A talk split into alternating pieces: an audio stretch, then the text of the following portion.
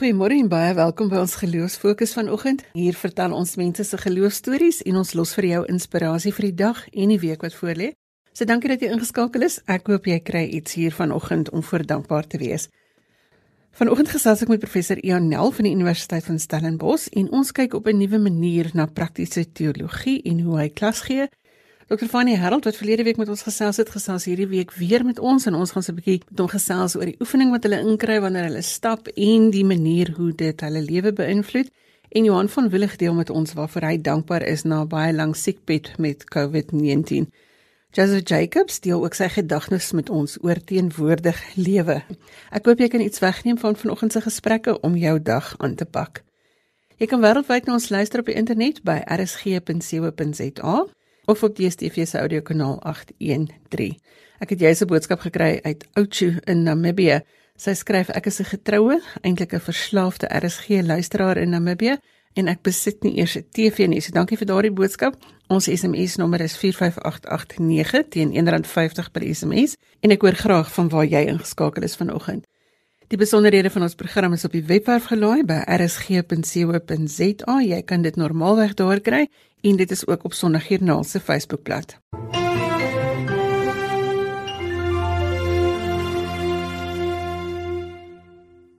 Professor Ian Nel is verbonde aan die fakulteit teologie by die Universiteit van Stellenbosch met 'n fokus op praktiese teologie. En vanoggend gesels ons oor die praktiese teologie in die Afrika konteks. Goeiemôre Ian. Goeiemôre Lisel. Ja, ek het onlangs een van jou stukke gelees wat jy vir jou studente gebruik en daar het jy 'n metafoor van drama gebruik om teologie prakties te verduidelik. Dit was vir my nogal treffend en ek dink ons kan self leer as gewone mense by die verhoogstuk as ek dit so in aanhalingstekens kan gebruik.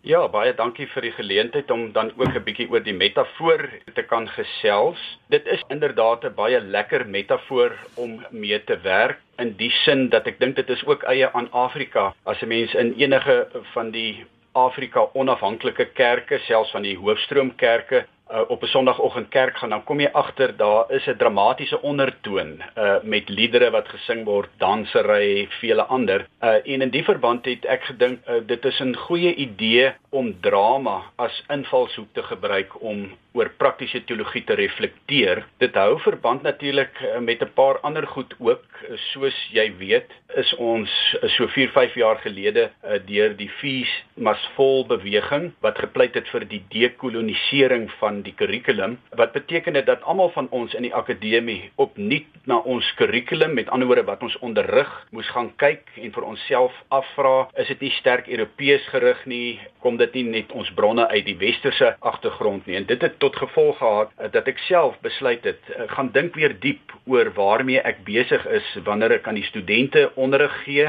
wanneer ek met kollegas in gesprek is uh, daaroor uh, ook met die wyeer publiek uh, in in die verband het ek toe gegaan en my hele praktiese teologie bedink langs die weg van die hoofstroomkerke maar ook die Afrika onafhanklike kerke. Met die gevolg is dat ek die drama metafoor gebruik om dan dit te ontwikkel vir hoofstroomkerke en vir Afrika onafhanklike kerke. Ek wil nou juist vra of jy oor die benadering, jy deel dit so in vier kategorieë op wat begin met die verhoog en dit beteken ons eie geloof speel so uit soos wat hierdie vier kategorieë wat jy dit in ingedeel het. Ja, verseker, want uh, die verhoog probeer ek in drie kategorieë weer eens indeel, die makroverhoog, die mesoverhoog en die mikroverhoog. Kom ons praat van die mikroverhoog. Uh, ek onderrig in Stellenbosch en ek probeer vir die studente in te lig oor wat is daar op die verhoog wat elke dag hulle lewens beïnvloed. Goed soos die politiek, die ekonomie, uh die manier waarop ons met gesondheid omgaan, dienslewering. Dit is die verhoog waar binne ons ons geloof van dag tot dag uitleef uh en waar binne ons ons geloof beoefen. En die die verhoog het 'n geweldige impak op hoe ons geloof sien, verstaan, afhangend van die konteks waaruit jy kom, jou agtergrond, ek onderrig 130 eerstejaars studente Hulle kom uit uh, 25 verskillende denominasies met verskillende agtergronde en om vir elkeen op die verhoog 'n plek te gee beteken dat 'n mens moet al hierdie kontekste verreken. So dit is wat die verhoog betref en dan is die teks of soos hulle in Engels praat die skrip Uh, Natuurlik die hele ding van disippelskap. Uh, dit is vir my belangrik binne die Christelike geloof om erns te maak met disippelskap, die navolging van Jesus en dit dan te ontwikkel in 'n teks uh, wat verskillende uh, studente mee kan identifiseer want meeste van hierdie studente is uit 'n Christelike agtergrond uh, wat hier by my aankom en en dan beweeg ons natuurlik oor na die plot wat beteken daar's verskillende aktiwiteite waarmee 'n geloofsgemeenskap besig is wanneer hulle op 'n Sondag bymekaar is ook gedurende die week. Ons praat van goed soos aanbidding, 'n uh, lofprysing, die prediking, die pastoraat, met ander woorde die onderlinge versorging, die diens wat ons lewer aan gemeenskappe bekend is diakonia, leierskap en al die goed hoort by die plot. Met ander woorde wat ons doen wanneer ons bymekaar is en dan in die laaste plek is dan natuurlik 'n klomp karakters wat ek en jy is wat aan hierdie drama deelneem en wat ons plek soek op die verhoog, wat op soek is na ons eie identiteit. Waar hoort ek in hierdie drama? Wat is die rol wat ek kan speel of behoort te speel? So dit min of meer die die vier komponente uh, van my benadering. Wat is die waarde wat jy hierin sien? Wanneer jy dit met die studente doen, is daar 'n verandering? Is hoe verstaan hulle hierdie manier van uitlê? Ja, dit is 'n goeie vraag. Uh, ek begin gewoonlik, ek begin die boek ook uh, met 'n verduideliking van die film Son of Man wat geskied is hier in die middel van die 2000s of uh, rondom 2006 wat gaan oor Jesus wat gebore is in die township Khayelitsha en alles wat daarmee verband hou. So dit is 'n perspektief op 'n Christus wat in Afrika gebore is. En van daar uit dan dink ek saam met hulle, maar wat het hierdie Jesus ervaar? Wat het hy beleef? Wat gebeur in sy lewe? So ek probeer om 'n film vir hulle te wys en aan die hand van die film dan met die studente in gesprek te gaan oor wat het hierdie film alles losgemaak. En jy kan sien film en drama is nou aan mekaar gekoppel. So dit open le lekker gespreksgeleenthede met die studente. En en wat fascinerend is die film is in Xhosa dialoog met met subopskrifte wat in Engels is en en ewe skielik bring dit ook 'n ander dinamiek in die klas. Dit is dis nie net die studente wat vanuit 'n wit agtergrond kom wat verstaan wat agtergrond ewe skielik is die Xhosa studente ook deel van die gesprek en kan hulle vir die wit studente so daar vind 'n hele uitwisseling uh, van opinies plaas selfs 'n verskywing van kom ons noem dit power in die klas. So daar vind 'n klomp goed plaas wat wat natuurlik alles verband hou met ons verstaan van geloof, die verskillende komponente van geloof en hoe ons ons geloof uitleef. Wat is die boodskap van hoop wat hierdie manier van van klas gee oordra aan die studente? Ag ek dink die werklike deelname, die deel word van die drama as sodanig. Uh, ek werk ook baie sterk met 'n onderliggende pedagogie van hoop dat uh, met ander woorde die onderrigmetode is gerig daarop om hoop te gee vir mense. Uh, baie keer uh, studente wat uit baie moeilike omstandighede kom, wat selfs universiteit vreemd vind, dit is 'n nuwe ervaring uh, om vir hulle te laat deel voel van 'n klas met onderlinge vriendskapsbande om so vir hulle hoop te gee en ook met die uitdaging wat daar is vir jong mense wat graag leiers in Christelike geloofsgemeenskappe wil word. Daar is hoop. Die evangelie bring hoop. Jesus het hoop gebring. Daar is hoop wat uitgedra moet word op die verskillende maniere waarop ons deelneem aan die plot. So ek glo ek is entoesiasties oor my vakgebied en ek is entoesiasties oor die verskillende elemente van die plot en ek hoop dat ek daarmee ook saam die studente op 'n reis kan neem. Dit is in hulle eerste jaar, so hulle het nog 'n klompie jare uh, by die fakulteit uh, voordat hulle hulle grade kry uh, op die reis van praktiese teologie. Dit is alles deel van nuwe lewenservarings en ek hoop ek kan daarmee hoop bring. Jan, op 'n persoonlike noot, wat is dit wat vir jou hoop gee? Ja, as te midde van die COVID krisis is daar dalk min goed wat wat van mense hoop gee, maar ek dink tog as 'n mens diep binne in jou wese vashou aan die hoop wat Jesus na die wêreld toe gebring het, bied dit tog vir ons ook nuwe geleenthede. Ehm um, ek is op die oomblik besig uh, om aanlyn klas te gee vir die uh, Magister Divinitas studente met anderwoorde die studente wat nou al in 'n finale jaar is wat die graad nodig het om predikante te word. En selfs binne hierdie konteks met 23 studente het 'n mens lekker gesprekke. Uh, kan ek hoor hulle sien uit daarna om predikante te word. Ehm um, daar daar's hoop in hulle stemme. So ek dink net ten diepste is dit die lewe en werk van Jesus Christus wat my nog altyd hoop gegee het en wat ek hoop ek ook met die studente kan deel en die feit dat daar 'n nuwe jong geslag is wat aanmeld wat gereed is om in die bediening in te gaan gee my oneindige hoop te midde van donker wolke van Covid rondom ons en alles wat daarmee verband hou. So ja, ek hoop ek antwoord jou jou vraag. wat is dit waarvoor jy dankbaar is in die lewe Jan? Uh, wel ek is vir baie dinge uh, dankbaar. Ek is dankbaar vir ouers in uh, wat ek in 'n Christelike huis kon grootword. Ek is dankbaar vir 'n goeie vrou wat 'n fisioterapeut is. Ek is dankbaar vir twee pragtige kinders wat ek het. Daar daar's duisende dinge om oor dankbaar te wees. Ek is dankbaar vir die voorreg wat ek het om reeds die afgelope 15 jaar by die fakulteit teologie te kan klas gee en daagliks met studente met die toekoms as dit ware besig te wees. Ek dink dit is my grootste dankbaarheid. Dit is wat my in die oggend laat opstaan met 'n nuwe moed en nuwe krag om nog 'n dag te begin uh, met die wete dat 'n mens is met die toekoms besig. En so gesels professor Ianel verbonde aan die fakulteit teologie en hy is van die departement praktiese teologie en misiologie aan die Universiteit van Stellenbosch. Ian baie dankie vir die samesels vanoggend. Baie dankie vir die geleentheid. Lekker dag. Mm -hmm.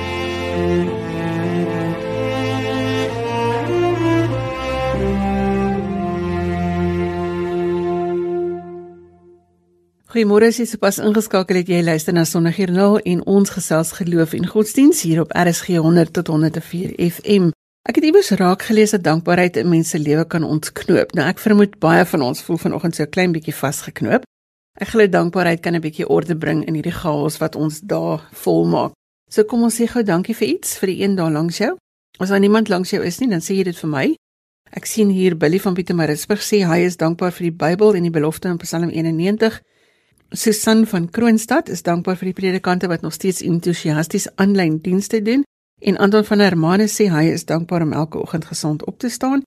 Die nommer is 45889. Ek hoor graag van jou.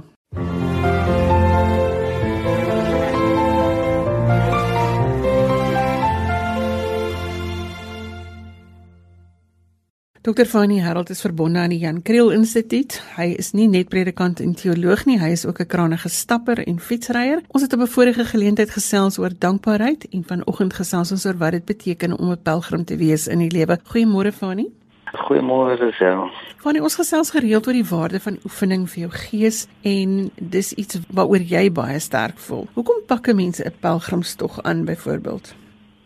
Daar is verskriklik baie redes. Miskien moet ek nou maar die storie vertel. Kyk, Erns Gunling uh, met sy Ellis program met hy, ons almal weer bewus gemaak van die uh, eh, pelgrimstog van hoop. Uh, dis iets wat 'n mens moet doen, maar omdat ek 'n fietsryer is, het ek 'n vier vriende en ons het onsself die ou grysbare genoem. Het ons besluit ons gaan met fietsie ry van Kappunt af tot by Agallas. En dit was 'n ongelooflike nege dae.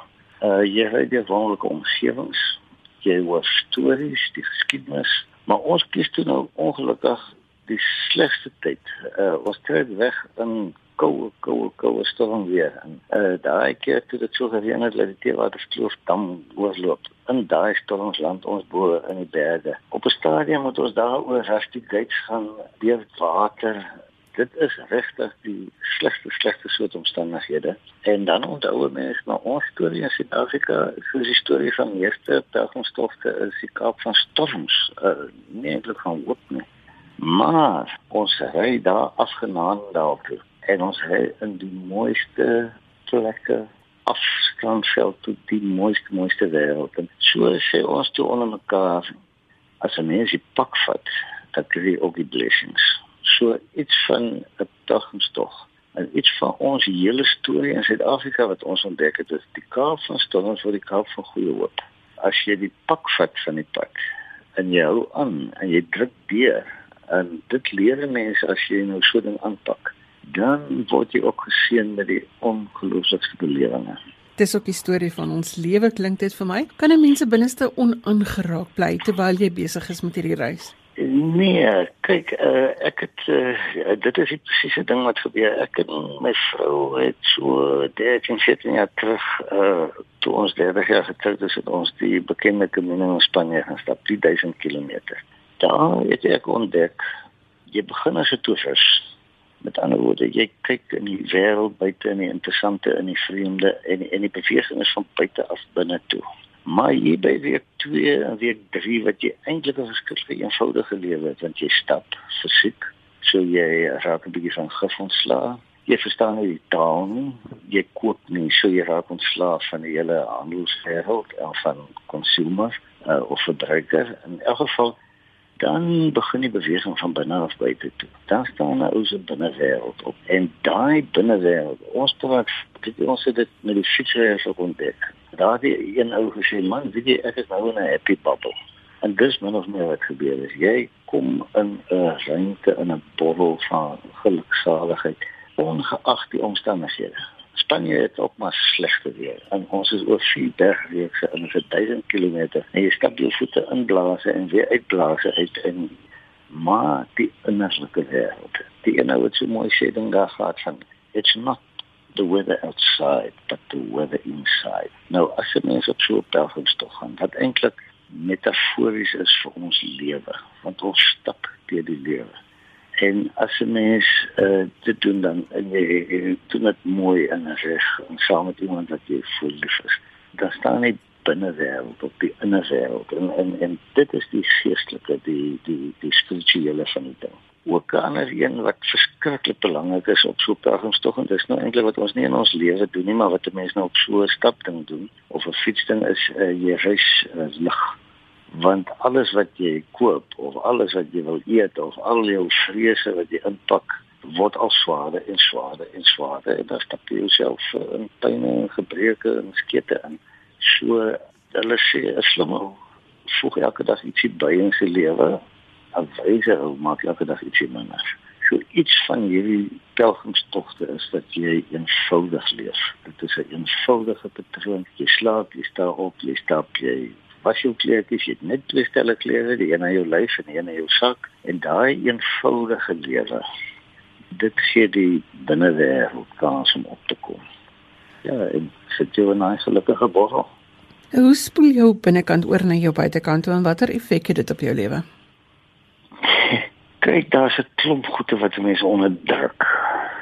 En jy dink jy dit in 'n laaitjie ingesit en weggeberg, maar dit is die goede wat by jou spook. En as jy nou 'n bietjie later 'n bietjie oor in jou lewe gaan, bietjie vir jou skade weer. As jy klomp goed wat mens nie hanteer nie. Maar as jy nou so stap en dit kom in en jy stap maar jy stap in stilte, jy stap deur die geskiedenis, jy stap deur jou eie lewe. Dan hanteer jy dit. Jy kry tyd om dit te hanteer en dan sit jy eers eens uit toe bly meer en jy sê daar los jy dit. Uh, een van die wat jy loop vir dagingstogte is gevoel dat mense eintlik as jy begin stap in jou tuin 'n klip optel en jy draam saam en iewers eers waar jy oor die hoogste berg top is daar pak jy die klip neer en sê jy wil los los dit nou. So dit is iets wat gebeur. Jy jy word skoon uh, dit is van 'n reiniging man ja dis maar een van die goede. Dit is natuurlik meer goede. Van die wat gebeur in 'n mens se kop? Mediteer as jy so gefokus stap kan ons 'n bietjie oomblik stil staan by daai meditasie wat jou binneste skoon maak kyk een van die goed wat meditasie is van die woorde wat die ouers vandag ook gebruik is om bewustelik te wees awareness of mindfulness. Dit is nou dit is nou 'n uh, catchword wat jy nou kos met die goed en dit is eintlik wat dit is. Jy raak dit was jy raak dit was van goed wat jy anders ons verbystaf om om met jou kop te besig is om met jou agenda te volg en dan is jy nie bewus nie. So en dit is die meditatiewe. Jy jy kyk om te pins om te oordink want jy tempo word stadiger en dan sien en ruik en hoor jy 'n klomp goede wat by jou verbygaan wat die hele tyd daar is. Is daar 'n paar praktiese voorstelle wat jy met ons kan deel wanneer 'n mens so 'n reis aanpak?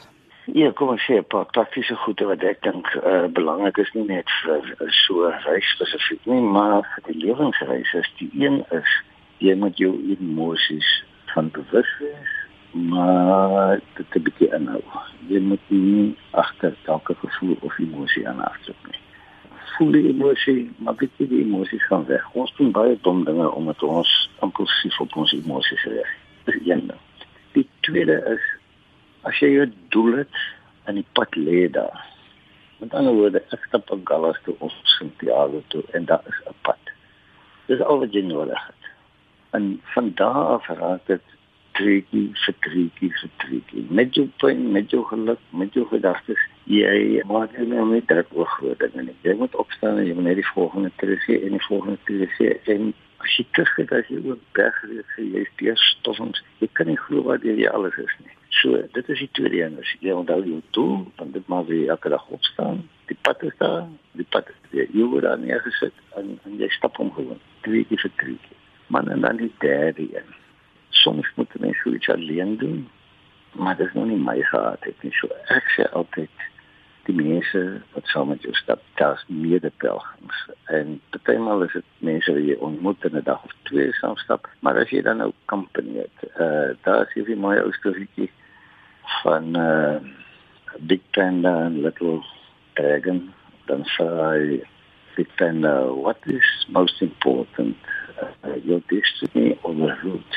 And then say Little Dragon, the company om mense te wat sou ons stap dit help baie. Ook 'n belangrike fokus vir ons lewens elke dag, dat jy jou omring met mense wat jou kan ondersteun, wat vir jou 'n netwerk kan vorm en mense wat glo soos wat jy glo. Dr. Fanny Harold is verbonde aan die Jan Kriel Instituut. Fanny, baie dankie vir die saamgesels met ons vanoggend. Plesier. Mooi loop. Jy is ingeskakel op RSG. Die program is Sondagjoernaal. Dankie dat jy ons in jou spasie toelaat en dat jy kies om jou radio op 100 tot 104 FM in te skakel. Ons gesels met mense oor hulle belewenis van godsdiens en geloof. As jy 'n dankbaarheidstorie of 'n geloofstorie het wat jy met ons wil deel, dan kan jy van jou laat hoor. Jy stuur vir my 'n e e-pos by lazel@wwmedia.co.za.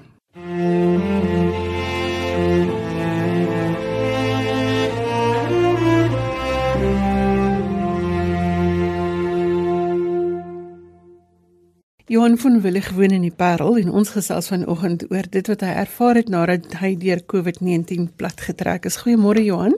Goeiemôre Lisel. Johan, net vir die agtergrond, as jy my by jou huis sou innooi, wie is Johan van Wille?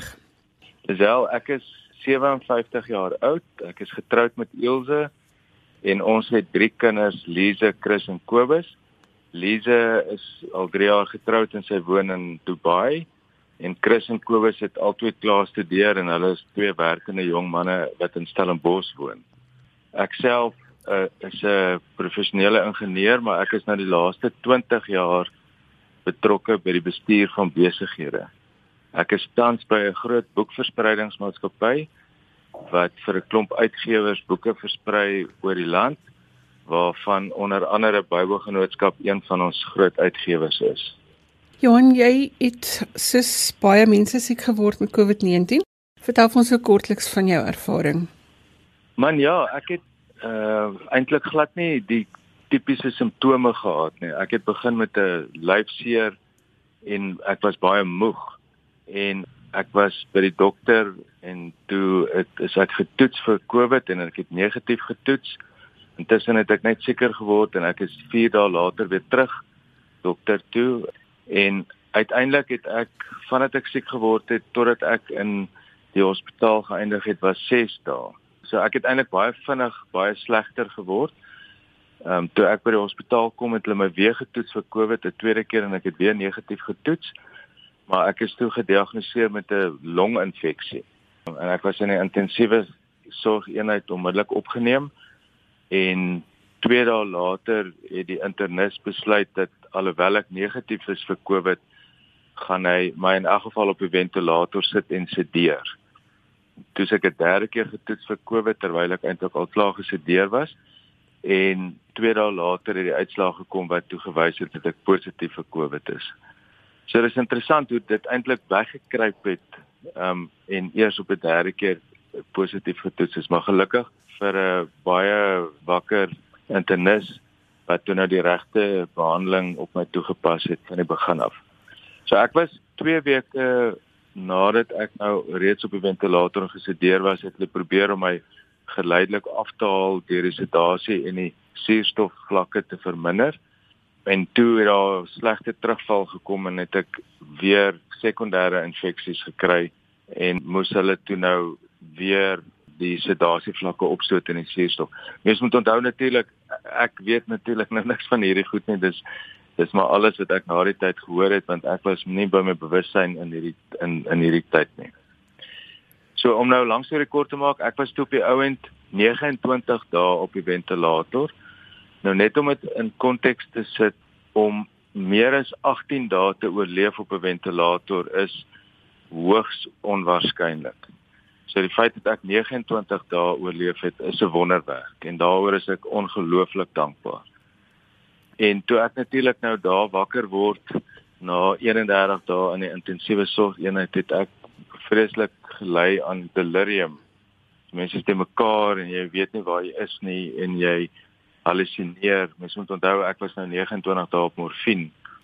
So dit was 'n ook 'n baie moeilike tyd en ehm um, en nou ja, die ander groot ding wat nou gebeur het natuurlik is dat toe ek daar wakker word, toe het my liggaam eintlik glad nie gefunksioneer nie. Die spiere het nie gewerk nie. Ek kon nie eers my hand optel om in my gesig te vat nie. So ek was op doeke gesit en in die volgende 3 weke het ek intensiewe arbeidsterapie en fisioterapie gekry om weer te kon leer loop om om myself te kon weet om te kon eet om later om die toilet te gebruik later van die doeke af. So ek is ook geleer om te stort. Ehm um, en en ja, die ander interessante ding my hartklop was verskriklik hoog. 105 was my rustende hartklop en en so moes ek dit met gereelde oefening en baie streng monitering uh kon ek oor tyd toe na my hartklop weer afkry. So ek is dankbaar om vandag te sê dat ek eintlik nou heeltemal gesond is. Vir 29 dae was jy nie by jou bewussyn nie, maar rondom jou was daar mense wat vir jou gebid het. Jy het 'n gebedsnetwerk gehad. Vertel ons van die die paar dinge wat jy van jou geloof geleer het in hierdie hele proses waardeur jy is. Ja, ek dink die eerste ding is soos jy het nou na gebed verwys, ehm um, die ongelooflike krag van gebed ek het nou na die tyd my vrou het 'n WhatsApp groepie gehad en sy kon na die tyd vir my wys wie was almal betrokke en hoe die boodskappe ingekom het? En daar was ongelooflik baie mense uh, letterlik reg oor die wêreld wat gebid het. En ek dink die die krag daarvan is is is ongelooflik. Dan natuurlik die ander ding is is hoe groot die genade was. Want ek besef nou weet of ek nou sou lewe en of ek sou sterwe, die genade van God was vir my genoeg. En en die feit dat ek hier vandag my storie kan vertel is is is maar net 'n bewys van hoe groot die Here se genade was. Dan die ander les was was weet ek moes myself in hierdie herstelproses het ek besef maar ek gaan nie 'n langtermynstrategie hê nie. My strategie is nogal teen my aard is om letterlik te leef van van dag tot dag en om alles te aanvaar soos wat dit elke dag is en om nie jouself te vergelyk met terwyl jy gesond was nie maar om jouself te vergelyk met waar jy gister was sodat jy kan fokus en dankbaar wees vir die verbetering en nie moedeloos wees oor oor die feit dat jy nog nie gesond is nie. En dan en dan die ander ding is om waardeer al die klein dingetjies en wees dankbaar vir vir al die klein goedjies wat jy kan doen en moenie dit dit as van selfsprekend aanvaar. Jy het ook so 'n bietjie gesukkel met die die feit dat jy oorleef het ten spyte van baie siek wees en ander mense het nie oorleef nie. Ja, ek ek het ek het daarmee geworstel want ek het weet die die hele kwessie van van hoekom is hierdie gebed verhoor en ander gebede nie verhoor nie en en ek moes dit vir myself uitwerk en ek het net besef dit dis eintlik te moeilik om dit te verstaan. Maar maar kom ons aanvaar die Here se genade in die vorm soos wat ons dit kry en en ehm um, daaroor is ek regtig ongelooflik dankbaar vir so baie mense wat gebid het en belang gestel het en opgevolg het ook na die tyd dat ek my by my bewussyn was om te um, intens belang gestel het die hoeveelheid mense en dan natuurlik soos wat ek gesê het die Here se genade is was ongelooflik groot en daaroor is ek dankbaar. Maar ek het ook simpatie en meelewing mense uh, of die naasbestaandes van mense wat wat nie COVID oorleef het nie. Wat is die een ding wat ons kan saamvat waarmee ons weer kan ingaan wat ons leer uit jou ervaring uit? Dis wel, ek sou sê kom ons fokus op die positiewe aspekte van die lewe. En en kom ons aanvaar die Here is in be, in beheer van ons lewe. En ons sit ons lewe net eenvoudig in sy hande en ons leef dag vir dag. Johan, baie dankie dat jy jou storie vanoggend met ons gedeel het. Dankie Lisel. Hier luister ons nou hierna vir die wat sopas by ons aangesluit het. Ons gesels met mense oor hulle geloof en hoe dit in hulle lewe wêreld werk. Joseph Jacobs se dagtaak is om leierskapontwikkeling te doen en vanoggend gesels ons oor hoop, maar ook hoe om aan die beweeg te kom. Goeiemôre Joseph. Goeiemôre Lisel. Ons werk albei met mense en die sinnetjie wat in min of meer al die gesprekke voorkom is ek hoop dit sal môre beter gaan. Nou hoop is 'n goeie ding, maar om môre te laat beter gaan, moet ek en jouself aan die werk spring om dit beter te maak. Daar's hy. Ja, jy slaan die spyker op die kop daar Lisel. Ek dink dit is spesifiek waar ons vasgevang is van vandag. Dinge gaan nie net gebeur die feit dat ek dit net so wil hê nie.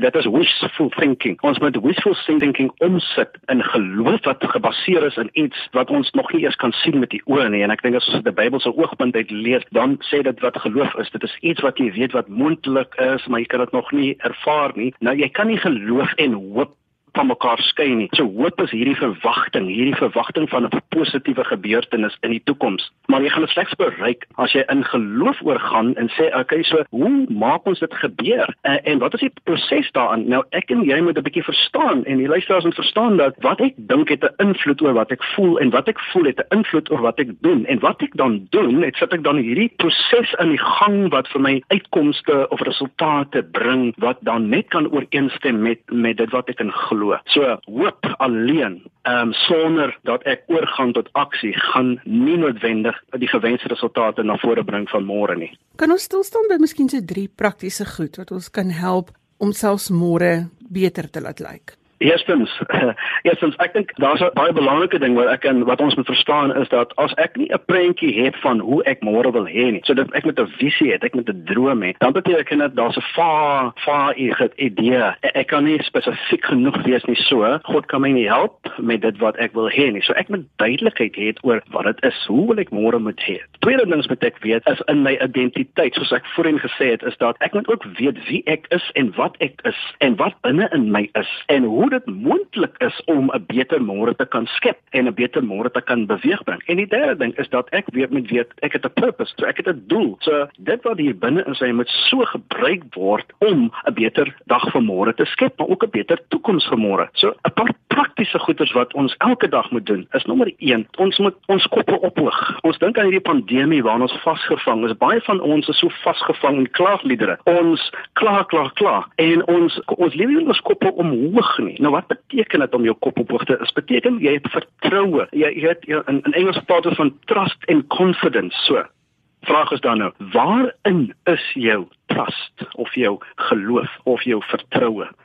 En het jy die die vermoë en die ver, om daai te om te skakel om te sien hoe God jou sien sodat jy dan ook selfvertroue het om dan nou hierdie hierdie droom te bewaar, hierdie môre wat jy wat ons almal na hunker te bewaar. So lig jou kop op wat help my om my kop op te lig is wat ek sê jy het 'n bietjie lak nodig, maar nie die lak wat ons aan dink nie, hierdie tata machans tata mamalie nie, nie daai lak nie. Lak is 'n afkorting is 'n in Engels beteken dit labor under correct knowledge. So dit beteken ek moet my voortdurend elke dag vul met korrekte en waarheid en die waarheid en korrekte inligting kom uit die Bybel uit. En ek moet daarna soek en ek moet my daarmee vul. Ek ek kan nie anders vul as ek nie gevul is nie. As ek ek kan ek net mense vul met dit wat binne in my is. So as daar nie goeie goed binne in my is nie, gaan ek mense gaan dit eh, gaan ek mense daarmee vul. So ek moet seker maak dat ek my vul met korrekte inligting, korrekte knowledge. Nou as ons net in die konteks van die pandemie kyk waar ons vasgevang is, ek kan nie net myself vul met hierdie goedes wat vrees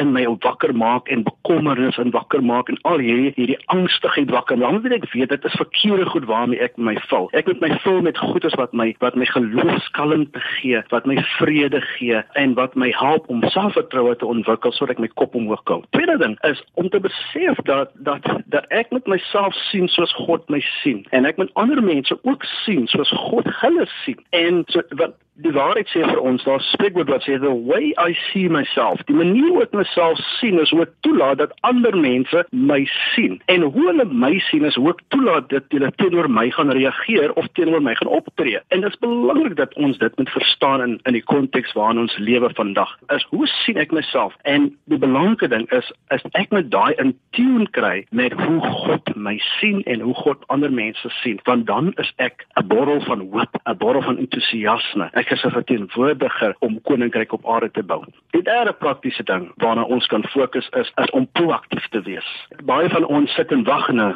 Ons weet wat hier voor ons lê. Ons weet wat besig is om te gebeur, maar guess what? Ons wag vir instructions. Wat nou? Wat nou? En ons en wanneer ons meer ons meer ons dit doen, gee ons die verantwoordelikheid oor aan ander om dinge namens ons te doen, dinge vir ons te doen, dinge vir ons te besluit. En baie keer laat ons toe dat dat daai nie die beste belang van ons op die hart dra nie, want ons het daai krag weggegee. So, om proaktief te wees beteken dat ek vat my verantwoordelikheid om my eie navorsing te doen oor sekere goeters, om my eie planne te maak wat in lyn is met God se planne vir my lewe en vir ons lewens. Ehm um, ek is ek is paraat, ek is voorberei vir wat ook die dag van môre mag bring. Weet dit onheil bring, weet dit goed bring. Van hierdie se ding baie keer vra ons vir goeders, maar ons is nie bereid en ons sê reg om te ontvang dit wat ge, ge, gebied word nie. Nou baie keer gebeure dan? As ek vra vir wysheid dan gee God vir my 'n iets 'n negatiewe ervaring. En dan dink ons baie keer maar hoekom doen God dit aan my?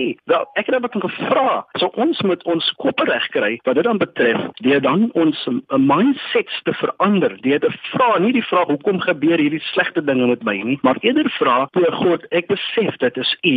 Wat wil U moet ek leer uit hierdie ervaring? Uit dit is pynvol. En persoonlike ervarings sê vir my die mees pynvolste ervarings wat na my kant toe kom en na jou kant toe kom, is daardie ervarings wat vir my daardie wysheid en insig sal gee wat ek nodig is om verder as die dag van môre te leef en te dink.